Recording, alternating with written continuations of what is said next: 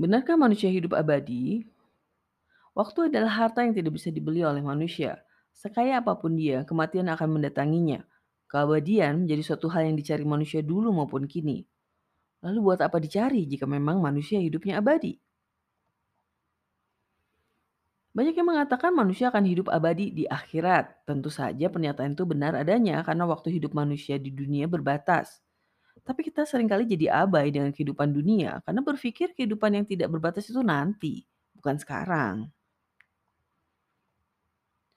Padahal manusia memang hidup abadi, maksudnya sekali manusia dilahirkan dia akan hidup selamanya dalam dua kehidupan dunia dan akhirat.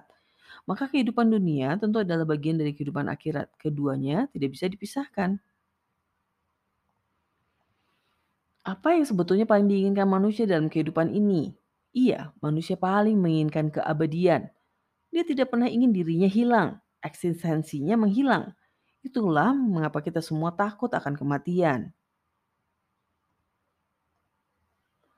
Konsep reinkarnasi tercipta karena manusia tidak mau hilang, baik kehilangan dirinya maupun kehilangan orang tercintanya, sampai mereka rela mendegradasi, mendegradasi dirinya menjadi makhluk lain, asal tetap hidup di dunia. Bukan soal keindahan kehidupan dunia yang memabukkan sehingga manusia ingin hidup abadi, tapi karena jauh di dasar jiwanya manusia sadar dirinya sangat berarti. Ia tidak mau dirinya begitu saja menghilang tanpa jejak. Karena jika ia hilang, maka semua yang telah ia bangun selama dia hidup menjadi sia-sia. Lalu manusia berusaha membuat karya agar dikenang orang. Setidaknya, kalaupun mereka mati, orang hidup akan terus mengenangnya sebagai seseorang penuh arti dalam sejarah.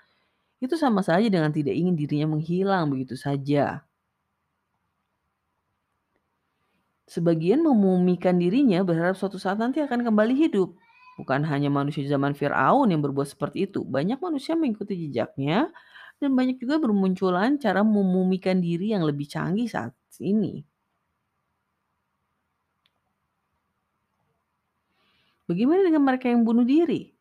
Apakah ini membuktikan bahwa ada manusia memang tidak ingin kehidupannya abadi?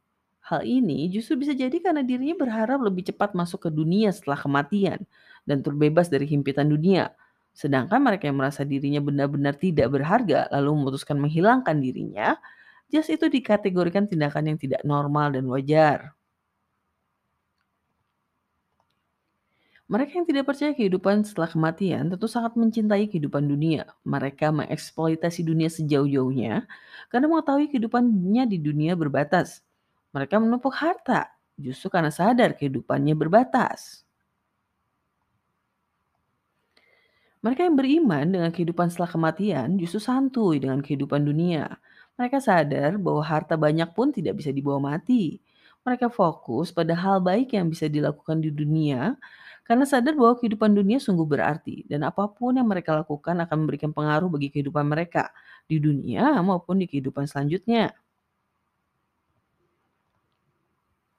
Kehidupan setelah kematian justru menjadi sumber ketenangan bagi manusia karena mereka yang menjalani hidup dengan penuh kesadaran tentu menyadari kalau kehidupan dunia ini serba terbatas. Mereka menyambut tawaran Tuhan akan fakta adanya kehidupan setelah kematian yang tidak terbatas. Termasuk di dalamnya konsep pembalasan yang adil di hari kemudian. Tidak ada satupun manusia yang ingin hilang begitu saja tanpa jejak. Tapi kita sering kali salah memaknai keinginan itu dengan memuaskan diri hidup di dunia yang sudah disetting Tuhan serba terbatas. Lalu mengapa Tuhan ingin kehidupan manusia terbagi menjadi dua bagian? Justru karena kehidupan setelah kematian begitu berarti, maka manusia perlu persiapan untuk memasukinya, dunia tempat kita belajar dan bekerja. Dari darinya kita mendapatkan nilai dan gaji yang bisa kita gunakan nanti di kehidupan selanjutnya. Bagi orang beriman, keabadian itu sebuah kepastian. Yang tidak pasti adalah nanti kita akan menghabiskan waktu di surga atau di neraka. Maka yang harus kita urusi adalah sungguh-sungguh mempelajari apa yang Allah Subhanahu wa taala ajarkan pada manusia dan mengamalkannya. Mari kita sama-sama menyadari kita adalah tokoh utama kehidupan yang diciptakan abadi. Penciptaan ini punya tujuan dan kita akan diminta pertanggungjawabannya. Terima kasih sudah menyimak, tunggu konten kami selanjutnya.